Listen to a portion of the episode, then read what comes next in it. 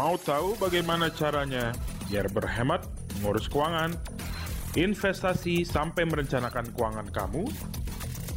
Dengerin aja Financial Talk podcast setiap hari Selasa.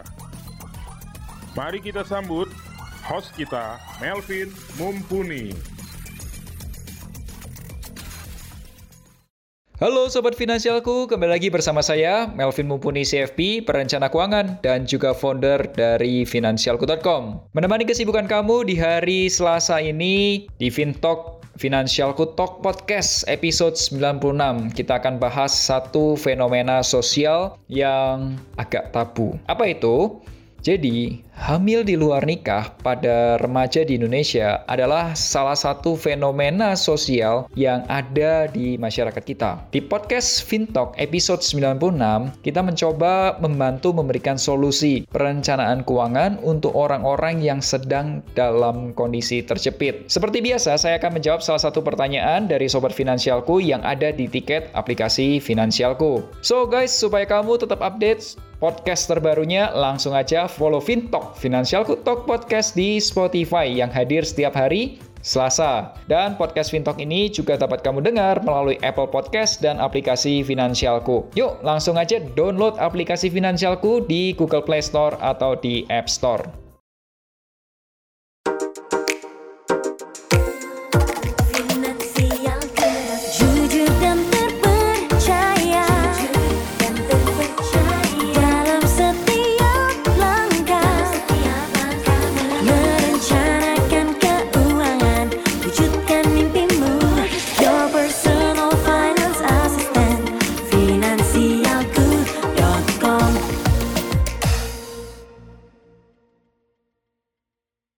Sebelum bahas lebih detail, Sobat Finansialku dapat mengirimkan pertanyaan atau curhat keuangan melalui fitur konsultasi keuangan di aplikasi Finansialku dan kasih juga hashtagnya curhat keuangan. Salah satu curhatan kali ini adalah, Komelvin saya CN dari Bandung. Beberapa waktu lalu saya nonton YouTube channel finansialku.com yang membahas menabung saham. Saya masih nggak percaya diri nih kok untuk memulai saham karena dulunya saya kuliah komunikasi dan sekarang pekerjaan pekerjaan saya adalah seorang ibu rumah tangga. Kok bagaimana ya caranya supaya saya lebih percaya diri untuk mulai menabung saham? Yaudah, langsung aja kita jawab pertanyaan kamu. Hashtagnya Let me share my view. Hai KCN di Bandung, thank you ya udah nonton YouTube channel finansialku.com dan curhat di tiket aplikasi Finansialku. Kali ini aku akan coba jawab nih. Kata orang, kita itu bisa karena terbiasa. Misal, di awal waktu saya belajar mengendarai mobil, itu bingung banget nih ketika mau ganti kopling itu harus dipencet mananya dulu nih. Dikurangin dulu kecepatannya atau seperti apa? Pencet rem, gas, atau kopling gitu. Nah setelah belasan tahun mengendarai mobil, biasa nyupir sendiri juga. Sekarang ya saya sudah hafal dan malah refleksnya udah cukup bagus ya mau nyetir sambil ngobrol pun juga masih bisa gitu. Jika KCN sekarang ini masih kurang percaya diri, maka menurutku itu hal yang sangat-sangat wajar. Saranku buat KCN dan teman-teman sobat finansialku adalah satu, coba buka akun investasi saham di perusahaan sekuritas. Kedua, mulai siapkan uangnya. Misal nih ya, setiap bulan sehabis gajian langsung dibeli sahamnya. Cara yang paling gampang gini, kamu pasang aja reminder di smartphone kamu, supaya ketika harinya kamu diingetin sama smartphone kamu untuk langsung nabung saham. Dan yang ketiga, coba mulai beli saham pertama. Kalau saranku ada dua kriteria nih, pilih salah satu aja nggak apa-apa. Yang pertama, pilih aja saham yang rajin bagikan dividen atau bagi hasil. Di Bursa Efek Indonesia, itu ada yang namanya indeks IDX High Dividend 20 atau IDX High Dividend 20. Pilihan yang kedua adalah saham-saham yang kinerjanya bagus dan dijual di harga diskon. Di Bursa Efek ada yang namanya IDX Value 30 atau IDX Value 30. Kalau kamu kurang paham, aku saranin coba aja gabung ke grup belajar saham Finansialku. Kamu bisa hubungi Finansialku di Instagram at finansialku underscore com dan bilang aja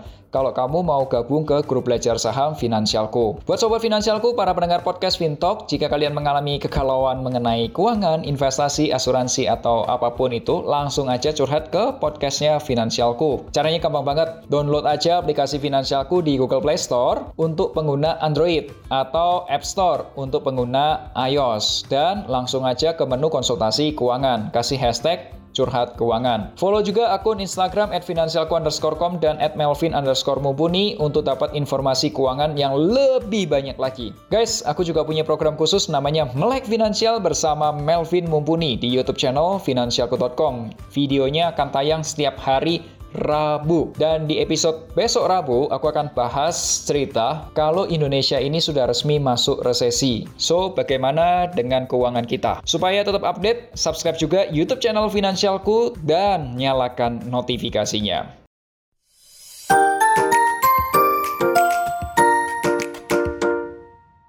Halo teman-teman, jumpa lagi bersama saya Melvin Mumpuni CFP, perencana keuangan dan founder Finansialku. Kali ini aku ditemani oleh Robi Krisi, Head of Advisor dari Finansialku.com. Dan teman-teman kali ini podcast yang agak berat karena gini sih aku dapat chat dari teman ya. Sebenarnya ini dari tiket di finansialku, cuman aku pengen bahas lebih dalam karena aku juga nggak punya pengalaman di bagian ini, uh, Rob. Siapa okay. tahu kita bisa brainstorm atau bisa cari solusinya bareng-bareng yes. gitu sambil di podcastin ya. Jadi gini Rob. Yes. Jadi ceritanya, nih cowoknya itu kebablasan. Lagi pacaran. Kebablasan apa nih?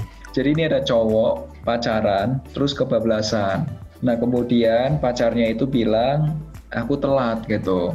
Dan lu tahu hmm. kan, hmm. itu artinya apa kan? Hmm, hmm, hmm. Artinya ya, ya berarti akan ada keperluan besar di depan gitu. Oh ada suatu ya makhluk hidup baru ya yang akan keluar di dunia ini ya. Yes, dan dia nanya gimana caranya ngatur keuangannya. Jujur aku nggak ada pengalaman. Kalau lu ada pengalaman kah? Wah ini disclaimer dulu bro. Jadi dari kita tidak ada yang pernah melakukannya. Jadi Jadi kita benar-benar sisi dari kacamata brainstorming sebagai financial planner ya Vin ya. Boleh, kita disclaimer boleh. dulu nih Vin. Yes, Nanti dan... panjang soalnya kalau nggak ya. Benar dan teman-teman jika jika mungkin obrolan kita ada yang kurang pas atau mungkin kurang relate gitu ya maksudnya kalau teman-teman mungkin ada yang pernah mengalami kejadian ini boleh aja share pengalamannya di DM private di Instagramku mm-hmm. at melvin underscore mumpuni atau di Instagramnya finansialku at financial underscore com atau di Instagramnya Robi. At Robi Christy jadi nanti kita akan uh, share tapi tetap kita akan jaga privasi kalian gitu. Ya kali ini pun aku nggak akan sebut namanya sama sekali tapi aku mau mau bahas ceritanya aja. Jadi intinya hmm. dia lagi pacaran, terus kebablasan, terus kemudian, nah ini pacarnya sudah punya baby. Ketika dites itu sudah dua minggu atau tiga minggu umurnya. Nah terus gimana nih ngatur keuangannya? Kalau menurutmu gimana, okay. Rob? Kalau menurutku yang pertama kali kepikiran ya harus nikah ya. Benar. Jadi cara legal harus disahkan, ya kan? Jadi sama-sama enak dalam sebuah proses pernikahan gitu. Nah nanti tinggal pernikahannya strateginya seperti apa? Maksudku ya udah sah secara negara dan secara agama aja dulu gitu kan. Tapi soal resepsinya, aku rasa sekarang ya bukan jadi prioritas, Vin. Jadi kita cuma lindungi biar dari suami dan istri itu sama-sama enak dalam buah ke sebuah perkawinan yang sah dan legal di negara Indonesia. Berarti yang pertama itu biayanya tuh harus disiapin biaya pernikahan. Tapi Betul. kalau memang nggak memungkinkan untuk pesta, tidak usah dipaksain pesta gitu ya. Betul banget. Nah, uh, maksudnya sesimpel ya oke deh celebration singkat, cuma makan dengan keluarga dekat, keluarga itu it's okay, gak ada masalah gitu. Ya menurutku masuk akal juga sih karena hmm. sesuai undang-undang kalau misal pasangan suami istri itu dianggap sah kalau memang sudah nikah secara agama dan juga nikah secara catatan sipil catatan selesai. sipil atau Negara. di KUA yeah, ya. That's all. Hmm. Betul. Oke, jadi yang pertama adalah siapin dana untuk pernikahan. Mungkin bukan pesta pernikahan yang mewah, tapi yang penting nikah secara legal gitu ya. Betul banget. Rob, bagian berikutnya, begitu menikah, itu kan ada perjalanan beberapa minggu ke depan atau beberapa bulan ke depan itu sampai kelahiran mulai dari check up, kemudian nanti kelahiran babynya itu ya puji Tuhan bisa normal ya. Kalau misal ternyata sesar ya. dan lain sebagainya gimana tuh, mm. Rob? Nah itu berarti setelah tadi pernikahannya sudah beres secara legal, fokusnya adalah tadi persiapan untuk melahirkan, ya kan? Itu langsung diomongin di awal coba kalian lakukan financial check up keduanya antara si cowok dan si cewek biar saling terbuka nih Fit biar tahu kan mana nih yang bisa saling bantu mana kira-kira yang bisa dialokasikan untuk hal tersebut gitu oke okay, jadi mau nggak mau Betul udah langsung aja kebuka semua, lakukan financial Betul. check up buat suami dan istrinya ini. Iya dong. Supaya Masa bisa udah naked waktu. secara fisik, nggak mau naked secara finansial bro. Nggak fair dong. ya dong, make sense kan. Lu udah naked secara physically, masa financially lu nggak mau? Nggak, that's not fair gitu. Ayo dong, gentleman. Nah terus kalau sudah itu nyiapin biaya kelahiran babynya itu nyiapin uang buat bulanannya pergi ke dokter gimana? Kan itu kan juga lumayan mahal tuh. Ya sekarang kan kita lihat misalnya nih ternyata si calon ayahnya ini, calon suaminya ini emang sudah bekerja gitu kan, Hmm. untuk punya penghasilan lain gitu kan. Ya udah kita lihat dong sekarang mungkin yang selama ini masih punya personal things yang lebih hahaha buat hobi ya kan ya sekarang dikurangin malah mungkin di stop ya kan jadi mana sih yang kira-kira gak urgent ya udah dialokasikan untuk persiapan calon baby ini Vin Ngatur egonya kita pribadi, terus kemudian betul di-switch banget gitu, karena- persiapan bayi lahir. Yes, betul. Karena perannya sudah berubah dari yang seorang cowok single, sekarang ini bakal jadi seorang calon ayah. Dalam jadi kamu dekat. harus betul, kamu nggak bisa lihat dari kamu doang gitu. Kecuali kamu anak sultan ya itu beda, ya kan? Ya, walaupun Seperti kita ada, itu. walaupun kita agak awkward ya jelasin ini karena kita nggak pernah ada pengalaman ya. Oke, Ya, so gitu. Kalau sudah nikah itu nikahnya nggak gitu mahal. Persiapan kelahiran Hmm. agak mahal, tapi kan ada punya waktu, jadi bisa nafas tiap bulannya. Nah masalah Betul. tinggal, tinggalnya di mana? Nah, ini kembali lagi, kalau tadi dua hal itu ternyata kalian masih bisa ada budget lebih, ya kan? Saranku ya minimal kalian punya satu apartemen ataupun rumah yang kalian bisa kontrak. Oke. Setidaknya nggak gabung dengan keluarga inti kalian sebelumnya, orang tua kalian dan segala macam. Karena trust me itu bakal jadi sensitif, ya kan? Tapi kalau mohon maaf benar-benar budgetnya terbatas, ya kalian harus ngalah. Ego kalian harus turunin, ya kalian mau nggak mau tetap stay bareng orang tua. Rob, menurut lu perlu beli rumah nggak? Jangan beli dulu sih, Vin. Karena tadi prioritas kan. Karena beli rumah kan itu long term commitment. Ya kan, bakal terikat panjang, ribet lagi, ya kan. Aku rasa sewa dulu aja. Karena takutnya nanti satu dan lain hal itu jadi beban jangka panjangnya akan ganggu cash flow kamu sekarang. Rob, kalau menurut lu nih, kalau udah posisi seperti itu ya, menurut lu income-nya perlu distabilin atau perlu dinaikin gitu nggak sih, Rob? Pastinya dong, bro. Karena tadi setelah kita tadi shift role-nya dari seorang yang single, dua orang yang single terus tiba-tiba akan uh, menjadi satu keluarga baru, ya kan? Berarti kan banyak kebutuhan-kebutuhan yang harus disesuaikan, ya kan? Gimana dua orang yang berbeda akan menjadi satu keluarga? Nah itu tentunya harus punya income yang stabil. Karena tadi kalau masalah rumah tangga salah satunya adalah soal finansial, gitu. Nggak cukup soal cinta gitu kan.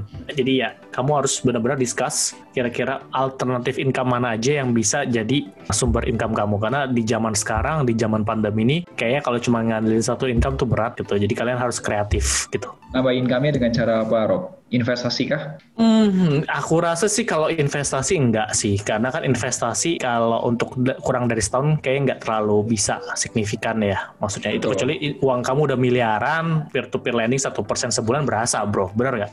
Betul, betul. Kalau tapi kalau emang dana terbatas ya mulai jualan aja, Vin, sesimpel jualan online, reseller ya kan, dropshipping, nggak perlu stok barang segala macam gitu. Jadi itu kan percentage komisinya ya lumayan gitu. Hmm. Ya kalaupun kamu yang uh, sebagai opsi juga karena kita di industri keuangan ya kamu mungkin bisa jadi agent asuransi ya kan karena kita tahu kebutuhan asuransi kesehatan orang udah makin aware. Atau mungkin kamu punya market yang banyak investor yang senior, mungkin kamu bisa jadi agent properti untuk dapat tambahan lagi. Seperti itu sih Vin. Atau mungkin uh, kamu tahu tetangga kamu ada yang jago masak tapi dia nggak ngerti IT ya kan, social media ya kamu bisa bantu promosiin gitu kan. Seperti itu sih Vin. Gitu pertanyaannya mau apa enggak? Kalau aku bilang sama sih, kita punya jawaban yang sama, pemikiran sama. Seseorang itu kalau lebih peka dengan sekitarnya, biasanya dia menemukan cara untuk menambah pemasukan. Biasanya ketemu gitu Benar. caranya. Walaupun unik gitu, misal bantuin tetangganya yang jualan makanan, kemudian atau jualin tetangganya punya usaha burung lovebird atau apa kayak gitu. Biasanya dapat uang loh, cupang gitu kan. Dan Tuh, sekarang lagi tren cupang lagi ya, nggak cewek nggak cowok loh. iya loh. Atau yang bahkan kemarin Vin jualan sepeda ada yang kaya loh Vin, jualan sepeda. Iya, iya, iya. Bisnis musiman dan momentum banget kan. Mm-mm, benar banget. Dan teman-teman itu aku juga bahas tentang gimana caranya mendatangkan atau meningkatkan penghasilan itu di sebuah online course. Online course-nya itu namanya Income Breakthrough. Jadi awalnya online course ini rencananya mau dibikin sebuah buku. Ya emang dibikin sebuah buku sih dan sudah siap terbit. Cuma aku merasa kok ini ya, apa di saat COVID-19 kok merasa tidak manusiawi banget ya kalau aku nerbitin buku tentang gimana cara menambah income gitu, Rob. Kayak seolah-olah pas momentumnya kayak gini, gue cari cuan dengan cara begitu gitu. Jadi ya udah bikinin mungkin di awal tahun lah, Vin. Kayak apa New Journey, New Year, New Book lah ya. Cocok boleh. Boleh, Awal jadi tahun. makanya aku pikir ya udahlah aku bikinin sebuah online course, dan itu bisa diakses gratis selama terjadi pandemi COVID-19. Ya, supaya karyanya kita bisa benar-benar impact ya, bisa berdampak buat teman-teman yang dengerin atau yang nonton video online course-nya. Karena itu kan gratis, kamu tinggal datang aja ke websitenya Finansialku, course.finansialku.com. Di situ ada sebuah video online course judulnya Income Breakthrough. Atau kamu kalau mau datang langsung ke bit.ly garis miring course IP. Kalau repot datang aja ke Instagramnya Finansialku atau ke Instagramnya Melvin. Nah di situ kita akan bahas lah. Kasih linknya ada. Benar, semua dipermudah ya, Vin ya, aksesnya. Betul. Terus kalau masih bilang, aduh ribet, waduh, udah deh itu susah ngomong ya. Kalau masih bilang gitu ribet. Iya menurutku, Berarti udah nggak niat penting loh. banget sih. Ya menurutku penting banget sih nambah income tuh sih. Apalagi kalau misal kebutuhannya mepet ya. Dan puji Tuhannya orang Indonesia itu tuh penganut ini loh. Saat-saat kepepet dia semakin lebih kreatif dan lebih powerful gitu loh. Power of kepepet ya. Iya. Siapa tahu ya, kan ada rezeki anak gitu kan. Benar, benar, benar. Yang penting niatnya baik, misinya baik, nanti kokonya datang, Vin. Komisinya datang.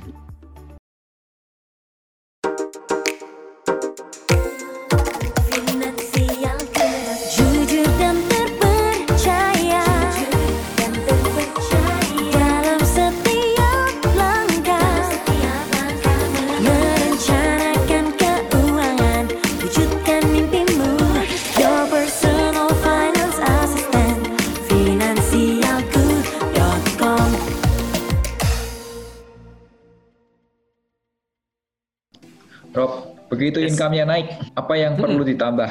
Dana darurat, teman-teman. Oke. Ini yang sederhana tapi banyak orang kelewatan. Dana darurat sebelum darurat dananya. Kenapa? Ya tadi Vin.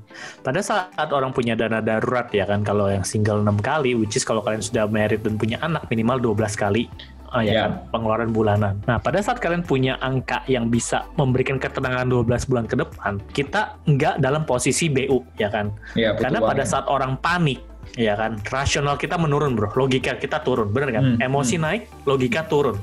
Sehingga kadang kita do decision yang stupid. Ya kan, Hmm. terutama di hal-hal yang berbau finansial gitu. Tapi kalau teman-teman secara 12 bulan ke depan, minimal 6 bulan juga ke depan tenang, ya kalian masih bisa berpikir jernih nih. Kira-kira rumah tangga ini akan di setup seperti ke mana, mau dibawa ke mana, ya kan? Seperti itu, Vin. Jadi ini yang harus benar-benar di concern. Dan please jangan bilang, wah dana daruratnya nganggur, saham lagi murah, tak beliin saham. Kayaknya nganggur nih duitnya. Nah itu juga nggak baik tuh, Vin. Banyak banget kemarin banyak. Nih sayang nih, cuman di rekening gitu kan, nganggur gitu. Saham lagi terkoreksi. No, no, no. Big no. Oke, jadi begitu income-nya nambah, yang perlu disiapin langsung adalah dana darurat ya. Karena lompatnya lumayan tinggi kan, dari enam kali pengeluaran ke 12 kali pengeluaran per bulan kan. Apalagi kalau nggak punya dana darurat, wah lebih gila lagi itu. Eh, strugglingnya ya, start from zero. Iya, deg-degan banget tuh ya. Rob, mau tanya, Mm-mm. kalau awalnya kan melakukan financial check up tuh antara pihak pria dan pihak wanita, Mm-mm. eh ternyata tiba-tiba salah satunya itu punya utang gede banget. Nah itu gimana tuh? Gue depol ya katanya orang Jawa ya, gue depol. Gede pol ya. ya gue udah gede pol ya, ya, ya. Nah ini yang harus di eh, dibicarakan ya kan. Jadi benar-benar dilihat nih hutangnya hutang produktif atau hutang konsumtif ya kan. Apakah ini terkait dengan bank atau non bank misalnya pinjol ya. Karena tentunya setiap hutang punya karakteristik dan punya strategi penyelesaian yang berbeda Fit ya kan? Yang paling umum lah ya kita bilang paling umum adalah kalau teman-teman terjebak hutang kartu kredit ya kan? Hmm. rata-rata di kota besar biasanya punya hutang kartu kredit. Nah kalian lihat nih misalnya punya dengan tiga atau empat kartu kredit dan selama ini hanya dengan minimum payment Fit. Hmm. dan itu nggak akan pernah kelar setuju nggak? Ya walaupun kebijakan relaksasi sekarang bunga maksimal 2% tetap aja kan compounding hutangnya. Ya. Nah, saranku adalah secara psikologis please kalian menangin dulu. Cari mana hutang yang paling kecil. Nah, itu dilunasin tuh. Dilunasin dulu, oke, sambil yang duanya itu coba dinegoin. Oke. Karena a- kalaupun kalian berdampak, misal terkena pengaruh dari COVID, ya kan kalian bisa ajukan. Yang penting kan kalian komunikasikan niat baik kalian. Saat ini saya bermasalah dengan tiga kartu kredit. Nah, kebetulan saya mau ngelunasin yang satu dulu.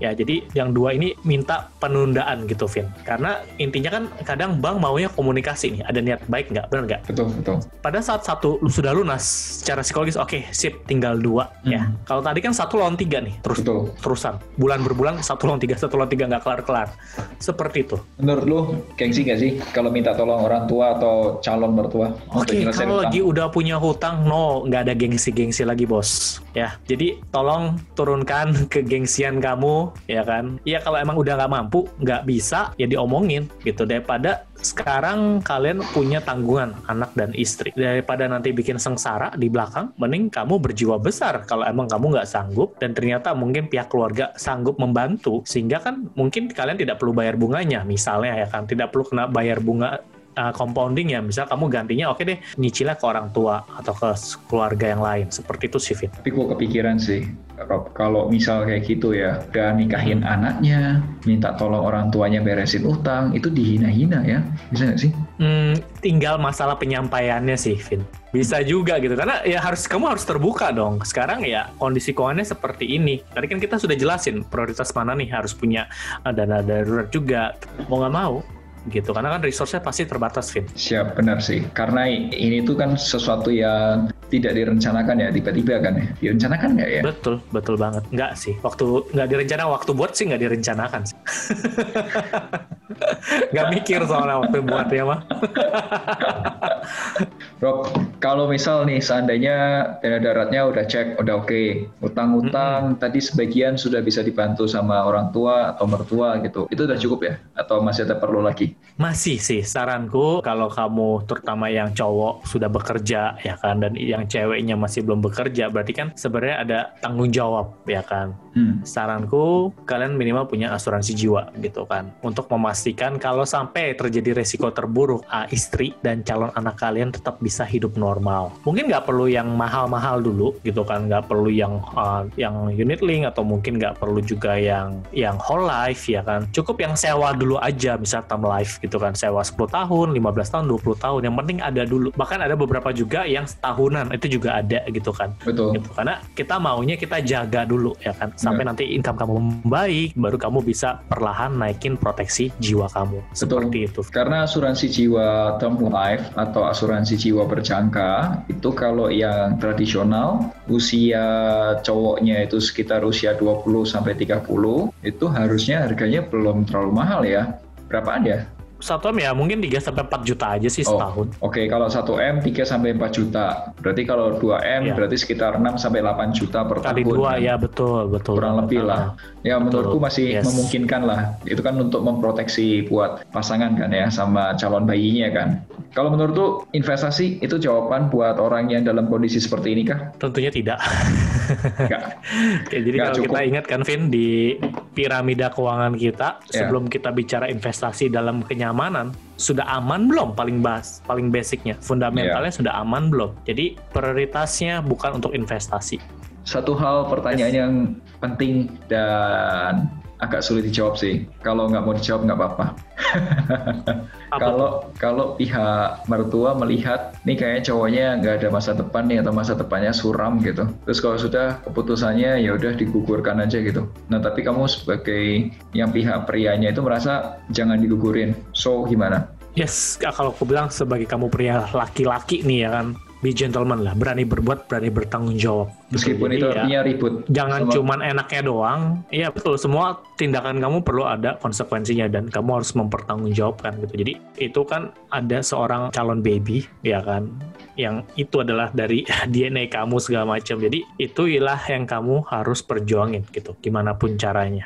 Meskipun nanti harus pecah sama keluarga sama orang tua gitu, gara-gara mungkin berseberangan pendapat untuk hal ini. Yes, betul dong. Karena kan kamu sudah terbentuk keluarga inti yang baru. Pada saat kamu menikah, berarti kan kamu sudah keluar dari keluarga inti kamu yang lama. Kamu sudah membentuk satu keluarga yang baru. Seperti itu. Dan teman-teman dalam kasus ini kita bukan masalah benar atau salah, tapi ini sudut pandang kita. Dan jika teman-teman ada beda pendapat, it's okay. Kita nggak mengatakan bahwa paling benar. Silahkan share pendapat kamu di lewat Instagram pribadiku at melvin underscore mumpuni atau juga di Instagramnya Finansialku at finansialku underscore com atau di Instagramnya Robi at Robi Christie. Ya, karena kita juga jujur ya, kita bukan orang yang mengalami hal ini, jadi kita, aku tidak berharap ada di posisi seperti ini sih.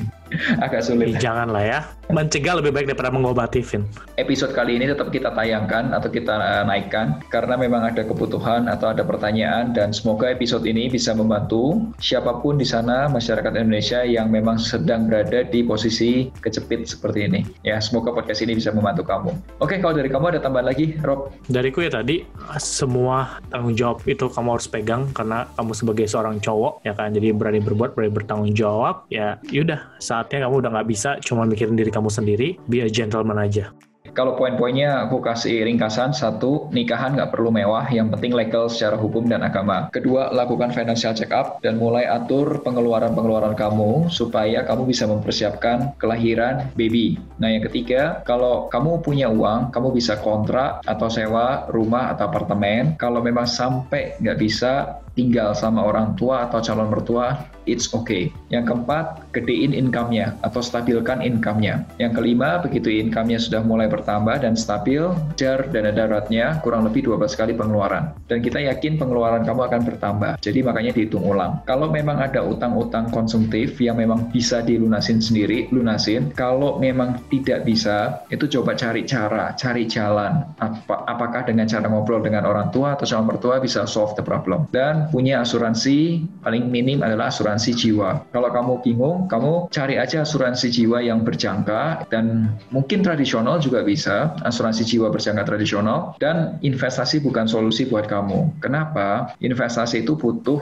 waktu dan sekarang ini dalam kondisi yang kamu jalani ini, yang kamu nggak punya adalah waktu. Jadi investasi bukan solusinya. Teman-teman mendengar podcast FinTalk, jika kamu sekarang ini ada masalah keuangan, terlebih buat teman-teman yang panik atau mungkin calon bapak baru yang bingung dengan keuangan, kamu boleh langsung ngobrol sama perencana keuangan kita di Finansialku. Caranya gampang banget, kunjungi aja website kami di konsultasi.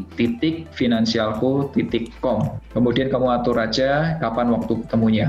Dan di situ kita bisa atur waktu untuk bisa ngobrol, bisa dengerin masalah kamu, dan aku yakin kita bisa bantu kamu untuk beresin kondisinya. Oke, segitu aja dari aku. Thank you buat teman-teman yang sudah dengerin podcast FinTalk. Aku berharap kamu tidak berada dalam posisi seperti ini. Dan buat teman-teman yang berada di posisi seperti ini, semoga diskusi kita bisa bermanfaat buat kamu. Akhir kata, make a plan and get your financial dreams come true.